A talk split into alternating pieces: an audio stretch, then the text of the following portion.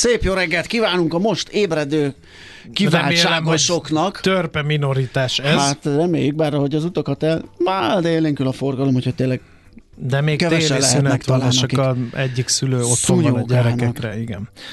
Ez a millás reggel itt a Rádió Café 98.0-án, 2024 harmadik napja van, január 3-a, 9 óra 8 perc, itt van Miálló András. És Gede Balázs sem szökött el. Még. 0636-os 98 0 98 0 SMS WhatsApp Fiber számunk. Mikor lesz beszélgetés az online áfa fizetésről? Ez csak egy ember ács a Gaben Gábor tudja. A, ahol inkább a bevallás az érdekes, mert most igen. is lehet online áfát fizetni.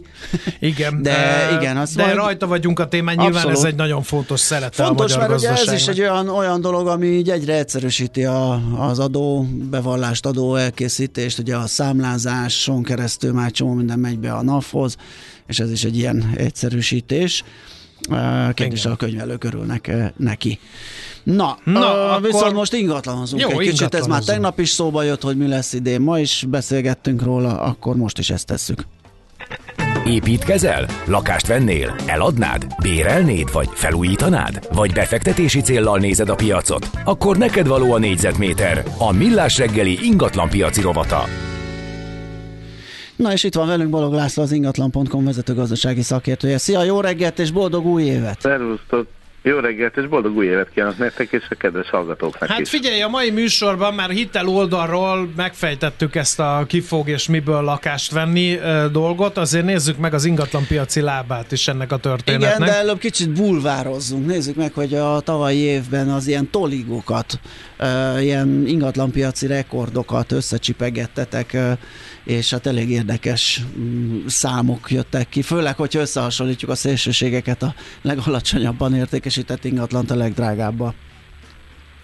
Igen, az, az, szinte az utolsó év utolsó pillanatáig vártunk ezzel az összeállítással, és megérte, és nem csak azért, Akkor mert esett be valamelyik? Lego... Hát mondhatni, hogy igen tulajdonképpen, mert az eladott ingatlanok esetében a legolcsóbb és a legdrágább között idézőbetéve mondom, csak 700-szoros a különbség.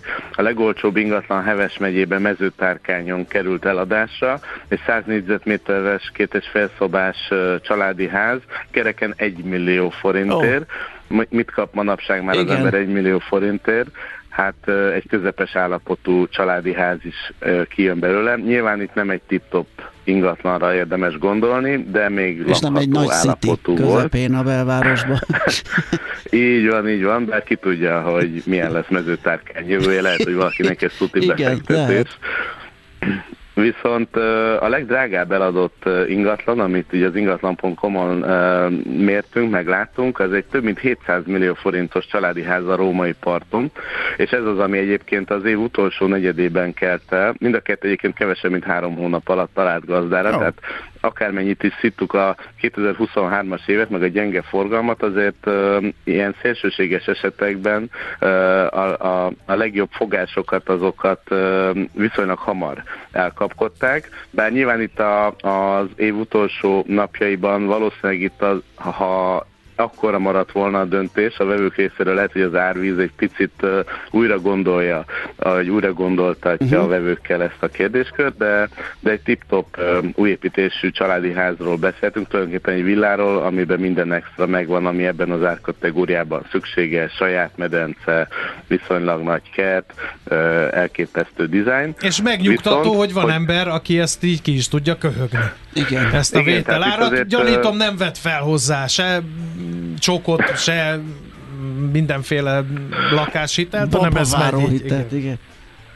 Igen, valószínűleg itt nem, a vevő nem a 7-8 százalékos hitelkamatokon kesergett, amikor aláírta az adásviteli szerződést, bár azért hozzá kell tenni, hogy azért 700 millió forint egy családi házért, vagy hát egy villáért, amit valaki mondjuk saját célra vesz,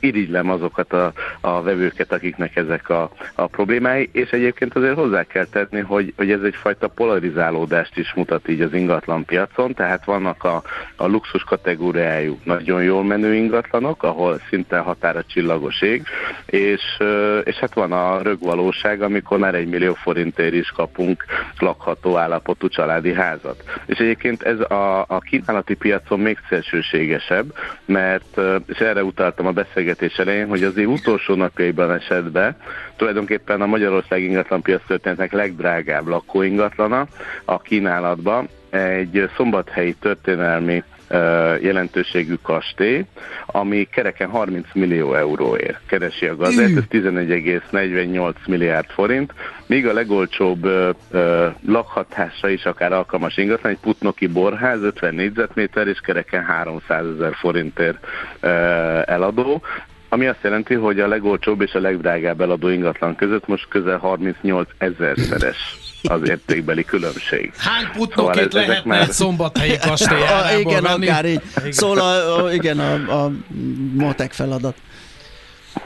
Igen, ugye szeretjük itt a reál, reál, reál értékeket kapizsgálni, na most valószínűleg egyébként itt, itt nem csak maga az ingatlan, és nem csak maga a tégla, vagy a, vagy a saját bejáratú park és a termálkút kerül 30 millió euróban, de olyan extrák is megtalálhatók az ingatlanban, mint Gróf Széchenyi István könyves szekrénye, vagy Andrási Gyula ágya, vagy éppen a Ming dinasztia utolsó császárának a nász éjszakájára készült ágy, ami nyilván a berendezés Aha. részét képezi de valószínűleg itt nem ez lesz majd a döntő, amikor valaki kicsengeti a 30 millió eurót, hanem sokkal inkább ez a komplexumnak a, az egyedisége és Igen. luxus. Az a termálkút jó hangzik, mert oda lehet tenni akár egy jó, jó kis panziót, vagy valamit.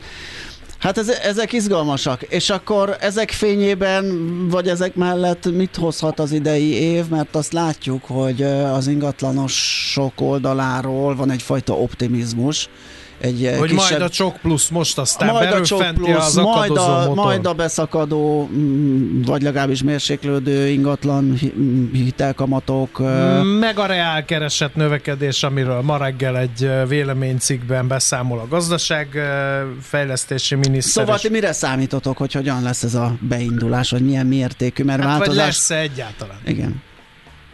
Igen, a beszélgetésünkre készülve én tegnap böngészgettem a számokat, és hogyha pusztán az érdeklődések alakulását nézzük decemberre, tehát 2023 decemberére vonatkozóan, és ezt éves szinten összehasonlítjuk, vagy megnézzük éves alapon január első napjaiban az aktivitást a vevők részéről, akkor mondhatnám azt is, hogy 2024-ben repülőrajtot vehet az ingatlanpiac, de azért ez nem egy olyan repülőrajt lesz, mint a kék szalagon a 50-50, amikor egy ilyen kétárbócos katamarán rekordokat dönt. Ez inkább olyan, mint amikor mondjuk egy ilyen kis ladikban próbálunk ö, ö, lendületet szerezni egy tákolt vitorlával, mert uh-huh. azért hozzá kell tenni, hogy a 2023-as év, amihez viszonyítjuk, ez az elmúlt 9 év leggyengébb éve volt az ingatlan piacon forgalmi szempontból. Tehát én értem a, az ingatlanos kollégáknak tehát a ilyen bázisról könnyű meglódulni. Igen, tehát hogy ugye innen azért nem egy nagy, nagy kunst jobbat produkálni, mint ami az előző volt, és ezzel valószínűleg mindenki elégedett lehet, hogy, hogy hogy majd válba veregeti magát a 2024 végén, hogy ugye megmondtuk, hogy jobb lesz a 2024-es év, de azért olyan hiú ábrándokat sem érdemes ennek fényében a lakáspiac irányába terelni, mert azért hozzá kell tenni, hogy, hogy persze most január 1 ez egy fordulópont, tehát elindul a csok plusz, falusi csokbővítés, babaváró hitel összege is emelkedik, de azért itt a, a, az, az érintettek száma, akik igényelhetnek, egy bizonyos szempontból szűkebb, tehát mi arra számítunk, hogy már vannak azok, akik csőre töltve már decemberben is vadázták a legjobb otthonokat, a legjobb ingatlanokat. Ők sok esetben már előszerződéseket kötöttek, hogy, hogy biztosra menjenek, tehát lesz majd egy ilyen lokális csúcs január, február, márciusban, amikor ez a lakástámogatási boom ö, első hulláma lecseng, mint amit egyébként láthattunk 2019 nyarán a babaváró hitel esetén is, és aztán utána pedig fölveszi az utazó sebességet az ingatlanpiac, és ebből a szempontból sokkal nagyobb szerepe lesz a, az egyéb gazdasági körülményeknek a javulásában. Tehát például a, a lak, piaci alapú lakáshitelkamatok milyen dinamikusan fognak csökkenni, mi a mozgástere a bankoknak a, a kamatcsökkentés tekintetében, mert azért azt láttuk, hogy az elmúlt egy évben az árak egy tapotat sem mozdultak. Tehát körül egy százalék volt a, a január és a december közötti ármozgás a lakáspiacon, tehát azt mondhatjuk, hogy befagytak, pedig szerintem 2023-ra vonatkozóan sokkal többen bíztak abban, hogy jelentősebb lesz az áresés, de hát újra és újra megtanuljuk azt, hogy amikor valami drágul, akkor az nagyon gyorsan és nagyon intenzíven történik, az átcsökkenés meg sokszor megmarad így a vágyainknak, és nominális értékben kifejezve ez nem is annyira számottevő. Uh-huh. Hát jó, és um, hol, milyen területen, most ez legyen földrajzi, vagy, um, lakóingatlan típus, új használt, hol vártok mert valami? államtitkári nyilatkozat vonatkozott arra is, hogy na most aztán az építőipar is a füligéről szájjal várhatja 2024-et, mert majd most nekilódulnak a lakásépítések. És azt hiszem, hogy talán veled is beszéltünk arról, hogy ha ez így van, és minden ideális, az építőipar felpörgéséhez és az új lakáspiac beindulásához, ahhoz is hát nem hónapok, hanem talán évek kell lennének. Igen, és azért például ez, ez az új és a használt lakáspiac közötti dinamika szerintem még hoz majd meglepetéseket 2024-re vonatkozóan, mert hogyha például az állami támogatásokból indulunk ki, ugye ez a fajta kétsebességes támogatási rendszer, hogy nagyobb összegű támogatással számolhatnak az új lakásvásárlók vagy lakásépítők, mint azok, akik a használt piacon költenék el ezt az összeget, ez megszűnt. Tehát most már például egy csak pluszos 50 millió forintos hitelkeretet mindenki a saját ízlése szerint költhet el új vagy használt lakásra, és azért én viszonylag nagyobb téttel mernék azzal fog, arra fogadni, hogy a, a, ezeknek a döntéseknek a nagyobb része a használt lakáspiacon csapódik le, tehát ezzel még nem lesz kirántva az új lakáspiac a gödörből, viszont egy olyan ö, szempont merül föl az eladók ö, részéről, hogy valamilyen szinten versenykép, árban is versenyképes dolgot kell kínálni a vevőknek a használt lakásokhoz képest, mert most azért az utóbbi időben eléggé elkezdett nyílni az olló.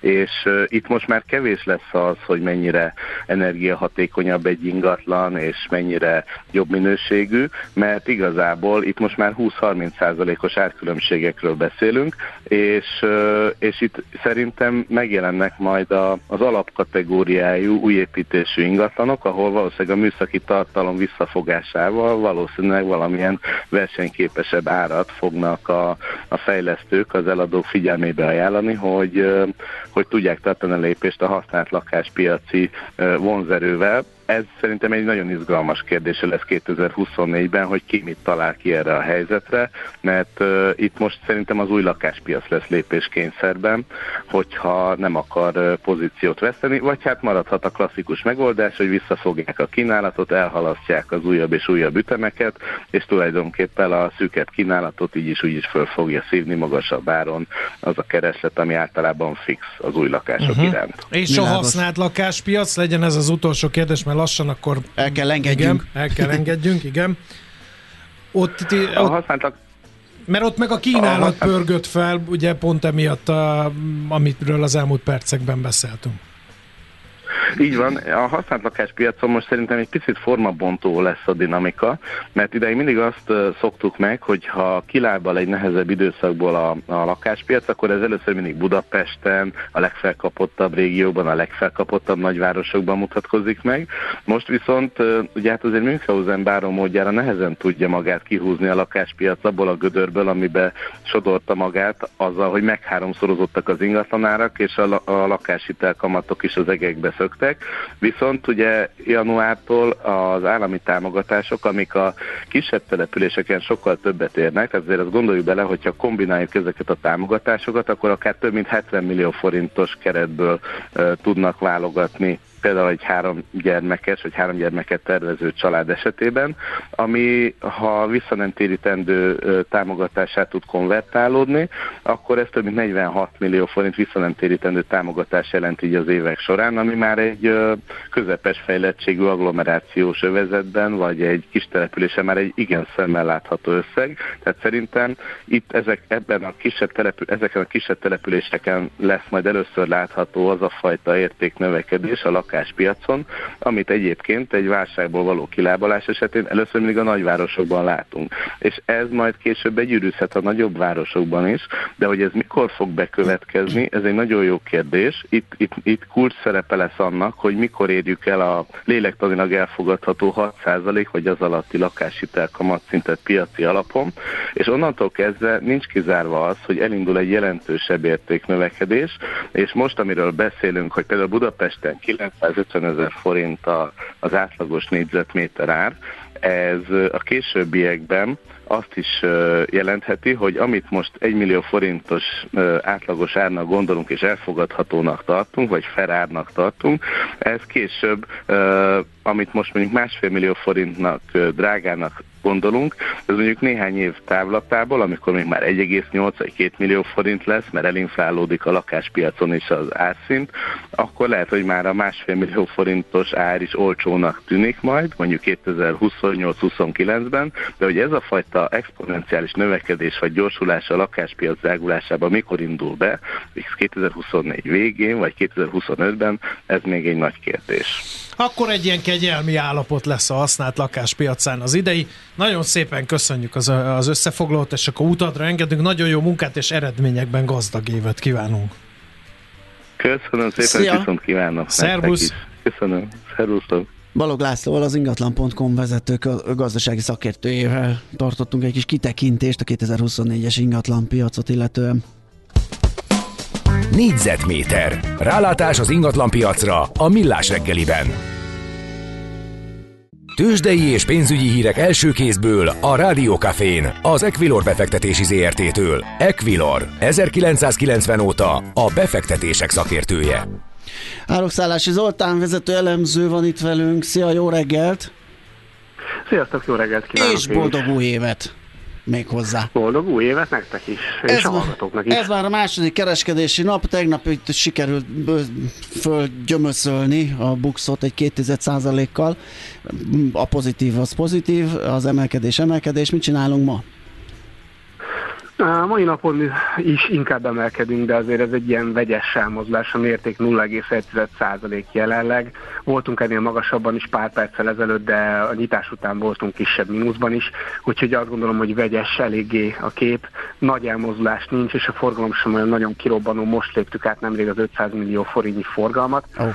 Ugye fél óra tehát csak még el a kereskedésből, tehát nem lehet azt mondani, hogy fú, Isten, milyen mhm. drámaian alacsony ez, de hát azért olyan túl magasnak sem mondható, úgyhogy hát enyhe pluszban nyitottunk összességében ezt. E, Európa is ilyen, mert gyanítanám, hogy ez a rövid hét azért még ilyen csendesebben telik. Igen, igen, ott is ilyen vegyes dolgokat látunk, tehát a DAX indexben most például mínusz 0,03 százalék az elmozdulás, tehát minimális, Aha. de a londoni fuciban 0,1 százalékos plusz látunk, francia kekeromban viszont 0,3 százalékos mínusz látunk, tehát vegyes, nagyon hasonló a Bux Index mozgásához, amit itt látunk Európa fő piacain, úgyhogy egyáltalán nem lók ki a magyar piac jelenleg az európai trendekből. Értem, nézzük meg akkor a, akkor a részleteket, hogy mit csinál csinálnak a vezetők, vagy vannak-e esetleg a közepes kategóriában, esetleg a hátsó sorban olyanok, akik kiemelkednek itt az első fél órában?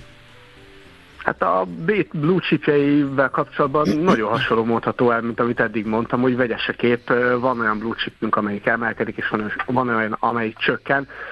Itt talán annyiból több az izgalom, hogy az elmozdulások mértéke nagyobb, mint a plusz-minusz nulla, mi a MOL-ban látunk egy csökkenést, 2806 forinton forognak jelenleg az olajtársaság részvényei, ez fél százalékos esés a tegnapi záróhoz képest, de a Richter érdemi emelkedést mutat, 8975 forinton forognak jelenleg a gyógyszerpapír a gyógyszer cég részvényei, és ez 0,8%-os plusz. Aztán a Magyar Telekomban is plusz látunk, 0,4%-kal, ez 681 forintot jelent ebben a pillanatban, és hát a végére hagytam a legnagyobb forgalmú papírunkat, az OTP-t, itt 15.730 forintot látok jelenleg, ez egy minimális 0,1%-os mínusz. Tehát összességében vegyes a kép, a Richter és a Magyar Telekom emelkedik, a MOL és az OTP pedig kismértékben csökken, Úgyhogy vegyes, vegyes, uh-huh. vegyes az a, elmúlt a hangulat. elmúlt eszendő az nem volt rossz a budapesti értéktős, de szemüvegén nézve. Mik a kilátások? Mert ugye a makrogazdasági helyzet meg javulgat.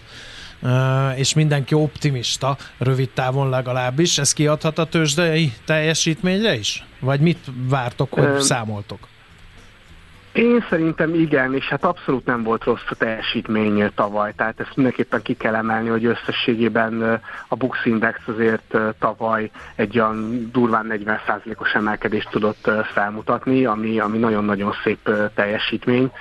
Um, hát azért aztán gondolnám feltétlenül, hogy idén ezt a mértéket újra tudja teljesíteni a, a, a Bux Index, de azért azt továbbra is elmondható, hogy az ilyen hagyományos értékegységi mutatószámok alapján, mint a PI mutató, nem mondható drágának a Bux Index. Tehát, hogyha és hogyha megnézzük a, a, a főbb ugye blue chipeket, akikről az előbb beszéltem, az OTP-nél én azt gondolom, hogy ott nagyon szép eredményekkel rukkol elő a társaság.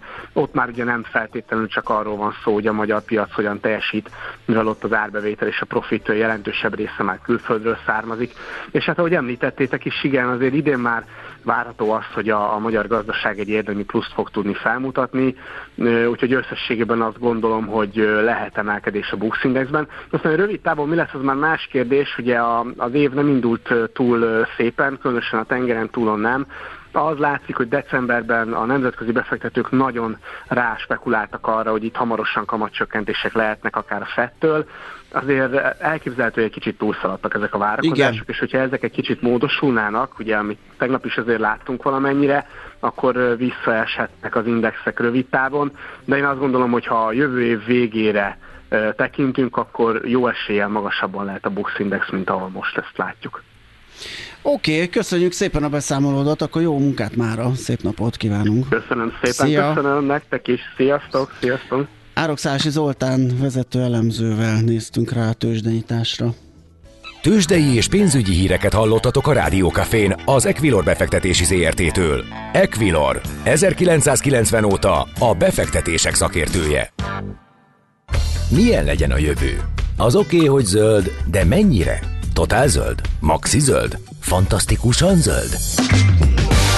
Hát semmiképpen sem szürke, még 50 árnyalatban sem. Superzöld, a millás reggeli környezetvédelemmel és természettel foglalkozó rovata következik. A Superzöld rovat szakmai együttműködő partnere a zöld mandátummal rendelkező Magyar Nemzeti Bank és a Budapesti Metropolitán Egyetem. Igen, Akivel? egy kis ismeretterjesztés következik. Nagyon sok hírt elolvasunk mi is, különösen ezekben a zöld témákban, mert nagyon errefelé megy a világ, de mi is találunk meglepő kezdeményezéseket. Ilyen például az IPBES nevű konglomerátum, hogy itt miről is van szó, és mind dolgoznak ők. Dr. Báldi András ökológussal, a Magyar Tudományos Akadémia levelező tagjával, 2012 és 2018 között az Ökológiai Kutatóközpont alapító főigazgatója is volt ő, és 2011-től a Lendület Ökoszisztéma Szolgáltatások Kutatócsoport vezetője is ő. Fogjuk ezt átbeszélni. Jó reggelt kívánunk! Jó reggelt kívánok! Jó reggelt! Az apropó pedig az, Bocsánat, hogy, bár... hogy lehet az IPBES-t valahogy értelmezhetően Tehát amikor a közbeszédbe ez előkerül, akkor IPBS, vagy az angol rövidítő? IPBES, vagy mit mondanak? Vagy egyszerűen csak IPBES?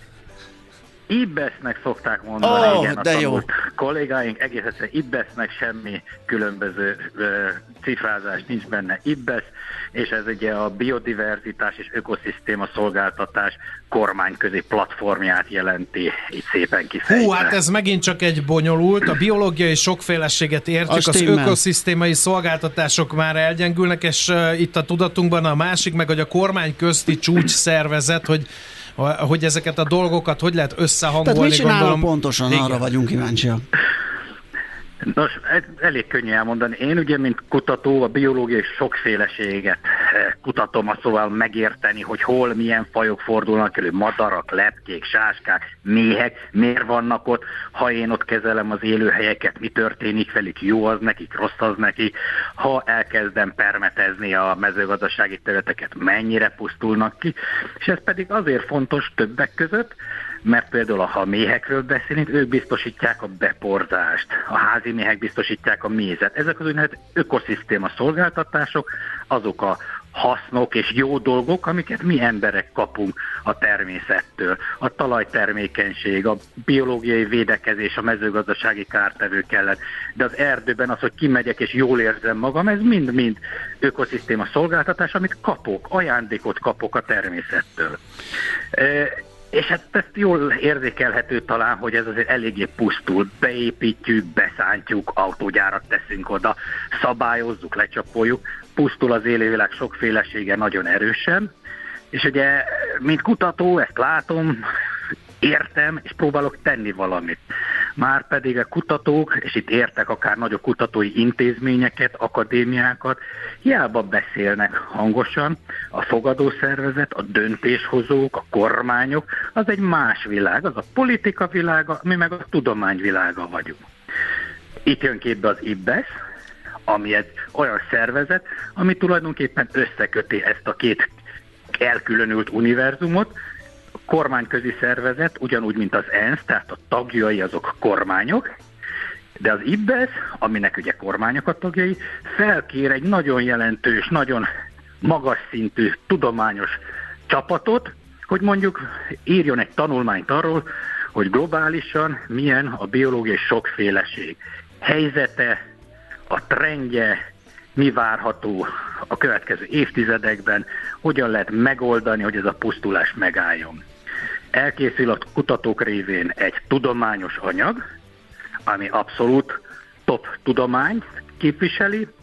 Ezt viszont, mikor az IBESZ elfogadja, aminek ugye kormányok a tagjai, akkor már egy kormányok által elfogadott anyag lesz. Akkor már nem egy tudományos publikáció, szigorúan véve, hanem egy olyan anyag, ami ott van a kormányok, a minisztériumok asztalán, hogy ez a mi véleményünk, azaz mi jóvá hagytuk ezt a véleményt, amit a kutatók adtak nekünk. Ez már, Úgy, ez, egy, ez, ez, már egy, ez már egy nagyon szoros kapcsolat, és nagyon jól hangzik, de viszont a legfontosabb még hátra van, hogy a kormányok kezdenek-e ezzel bármit, vagy ezekkel bármit, ezekkel a tanulmányokkal.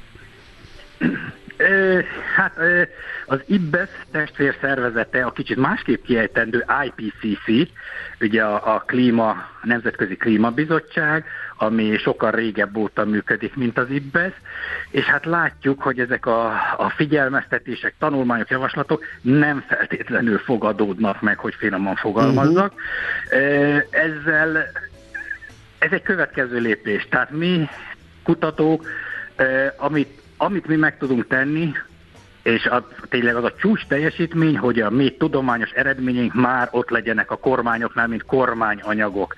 Aztán, hogy a szeretett kormányaink mit csinálnak ezzel, azzal nem sokat tudunk kezdeni, ott már kicsi a befolyásunk, nulla, de igen, ez egy nehéz. De azért ez sem kevés, mert kérdés. én arra gondolok, hogyha alulról, tehát így a társadalom is egyre többet hőbörög, egyre nagyobb nyomást helyez a politikusokra, legalább ott van a kezükben egy olyan eszköz, egy olyan leírat, amihez tudnak fordulni, hogyha már nagyon élesedik a helyzet, és tényleg azzal, hogy szavazót vagy választót veszíthetnek, vagy nyerhetnek, akkor legalább van mihez nyúlniuk. Már ez is valami. Hát egész pontosan, így van. Én is ugyanígy látom, tehát ez a maximum, amit tudunk tenni, mint kutatók, ott van, és ha lesz majd olyan nyomás, vagy valami, e, választóktól akárhonnan, akkor, akkor nem lehet azt mondani, hogy na jó, jó, de most mit csináljunk? Hát nézd meg, ott van a iktatva nálad a kormányzati iktató rendszerben egy csomó olyan dokumentum, pontosan leírja a helyzetet, és a lépéseket is, hogy mit érdemes tenni, hogy lehet ezt kikerülni, különböző szenáriók alapján mi történik. Van olyan anyag, ami összeállt már, és mondjuk egy mezei állampolgár is beletekintett? Ezek mind nyilvános anyagok, több nagy tanulmány is elkészült az IBESZ-nek, a beporzókról, egy globális felmérés a biodiverzitásról és az ökoszisztéma szolgáltatásról, módszertani felmérések, hogy mit érdemes használni milyen megközelítést, tehát több tanulmány, amik angol nyelven fent megtalálhatóak.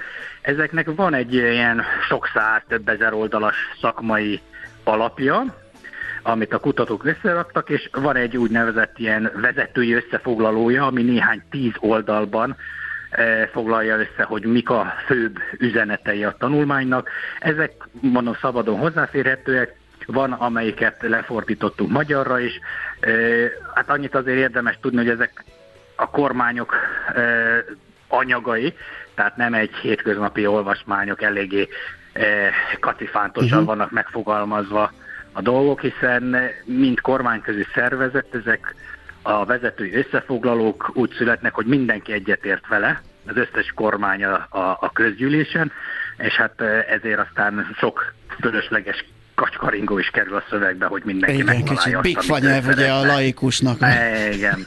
az az Néhány, egy, egy, egy kicsit spoilerezzünk, és, és lőjük le a poént, hogy van köztük olyan megoldás, ami a biodiverzitás csökkenésének, a fajok eltűnésének megállítására, mint eredményes módszertanra tesz utalást?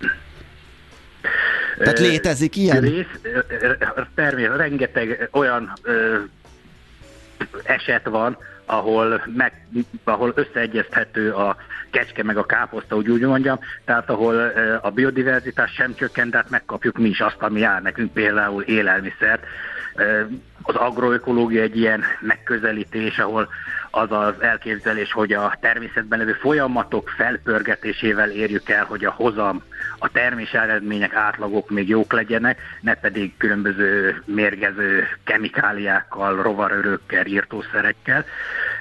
Ezeknek az elterjedése viszont egyrészt nagyon lokalizált, tehát messze nincs ott, hogy megváltoztassa a világ folyását.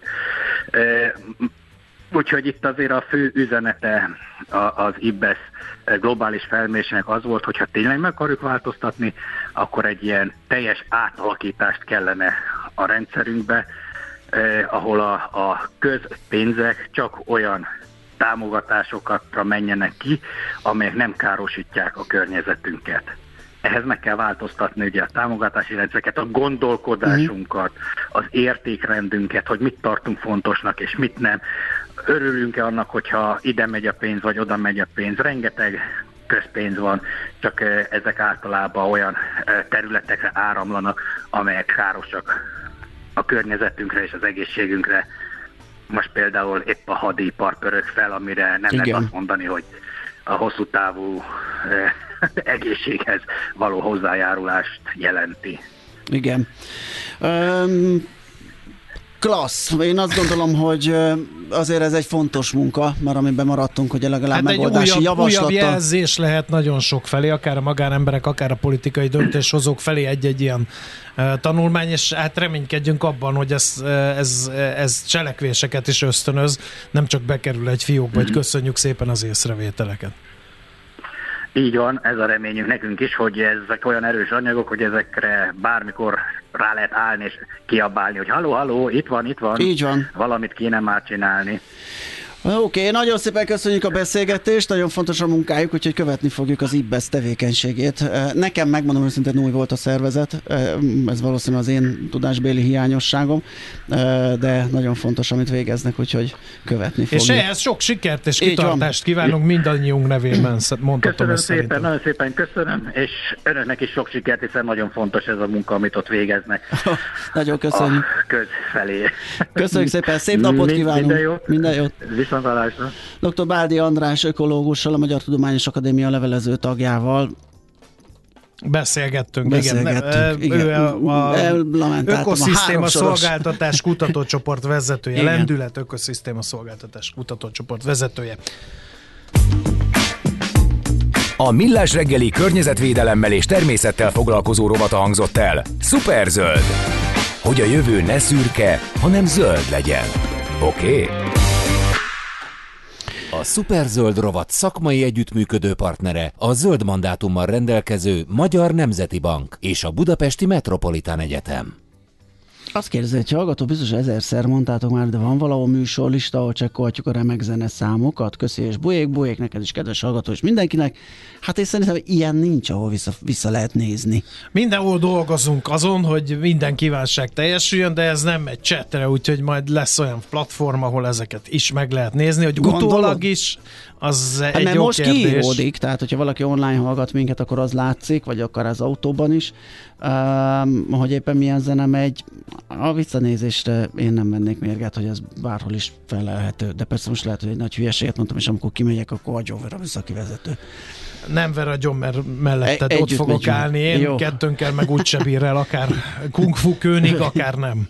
Igen. Uh, utánunk jön a pont jókor Fehér Mariannal, hogy uh, milyen Marian? témákból, uh, azt így uh, most tudjuk. így nem tudom megmondani, valószínűleg ismétlés lesz, uh, mert itt az adás vezérlőben látok bekészítve uh, hanganyagokat, úgyhogy uh, Marianka lehet... még jól megérdemelt Igen. Uh, pihenését tölti. Reméljük, hogy nem beteg, és nem azért maradt távol tőlünk minden esetre furcsa lesz majd márciusban boldog új évet kívánni neki, ha ez így folytatódik, de... Ha végre befárad Igen. majd a munkahelyére. Viszont Igen. befáradt a munkahelyére Czoller Andi, aki egy partjelző zászlóhoz hasonlít, nem kinézetben, hanem ha megjelenik, az azt jelenti, hogy kezdünk lesre kerülni. Ja, azt úgy, hogy... a kockás bőnadrágra mondod, hogy ez ilyen olyan autóversenyes, leintős zászló, igen. De ahhoz túl apró a kocka. Ne adj neki hangot. Nem, mert Jó, még a végén lehetja a leplet. Igen. Na, szóval ez volt már a Millás reggeli. Nagyon szépen köszönjük, hogy itt voltak velünk azok, Egy akik itt voltak. Köszörülés, köszörülés részevé tette magát. Igen. Szóval hát, hogy onnan tudják a hallgatók, hogy, hogy nem itt a levegőbe és, beszélünk. És hát, élő, hát, élő lesz, igen, ez az egész. Um, szóval, hogy nem vagyunk elégedettek, mert nagyon törpe minoritás volt a hirdet, vagy a üzenőfalunkon mutatkozó aktivitásból következtetek mindenre az, aki velünk tartott, mindenki mindenféle téli szünetre hivatkozva otthon héderezik. Én nem tudom, hogy ebből hogy lesz reálbérnövekedés. Legyen ez a GDP után? 2023 a GDP növekedés feldumálásának éve volt részemről, most reálbérezzek? Mit szeretnél? Milyen makrogazdasági vagy Én mikrogazdasági? Semmit. Én csak síelni szeretnék. Se bort, se búzát, se békességet. És augusztus, Csak a szórakozás. Jó, tegyük, fel, a, a... tegyük fel, hogy felülök erre a vonatra, hogy akkor Igen. kívánok neked minél eredményesebb, minél hosszasabb, minél Sielést. felhőtlenebb síelés. De ez augusztusban? Úszás. Ez hogy fog kinézni? Fürés a habokba. Tenger. Van Ilyen. olyan rész, tehát akkor te ilyen, ilyen magas egyi síelő vagy, tehát te a Himalájába síelsz, már ott lehet csak augusztusban. Akárhol, Akárhol csak síelni. Jó. Vízi sí? Azt nem. Nem is próbáltad? Nem, sosem. És ez a műfüves? Á, ahol azt hagyjuk. Gyakorolni lehet. Nem, az, az semmiféle élvezetet nem jelent. Na jó, akkor most, hogy megtudtuk, hogy mi nem jelent élvezetet Czoller Andrának, és mi jelent élvezetet Czoller Andrának, a Szerintem vagyunk el ezt a szállat, mert az életben nem fogunk Igen. befejezni, ha egyik mondatból a másikba borulunk. Úgyhogy köszönjük a megtisztelő figyelmet, holnap megint csinálunk millás reggelit. De nem én. Hát én most mindig jövök az év elején valamiért. Hát, mert az ja, látsam. persze, hát ő csinálta a beosztást. Igen. Uh, úgyhogy holnap 6 fél hétig ismétlés a maiakból, fél héttől pedig élő millás reggeli. Mindenkinek nagyon szép napot kívánunk. Sziasztok! Sziasztok!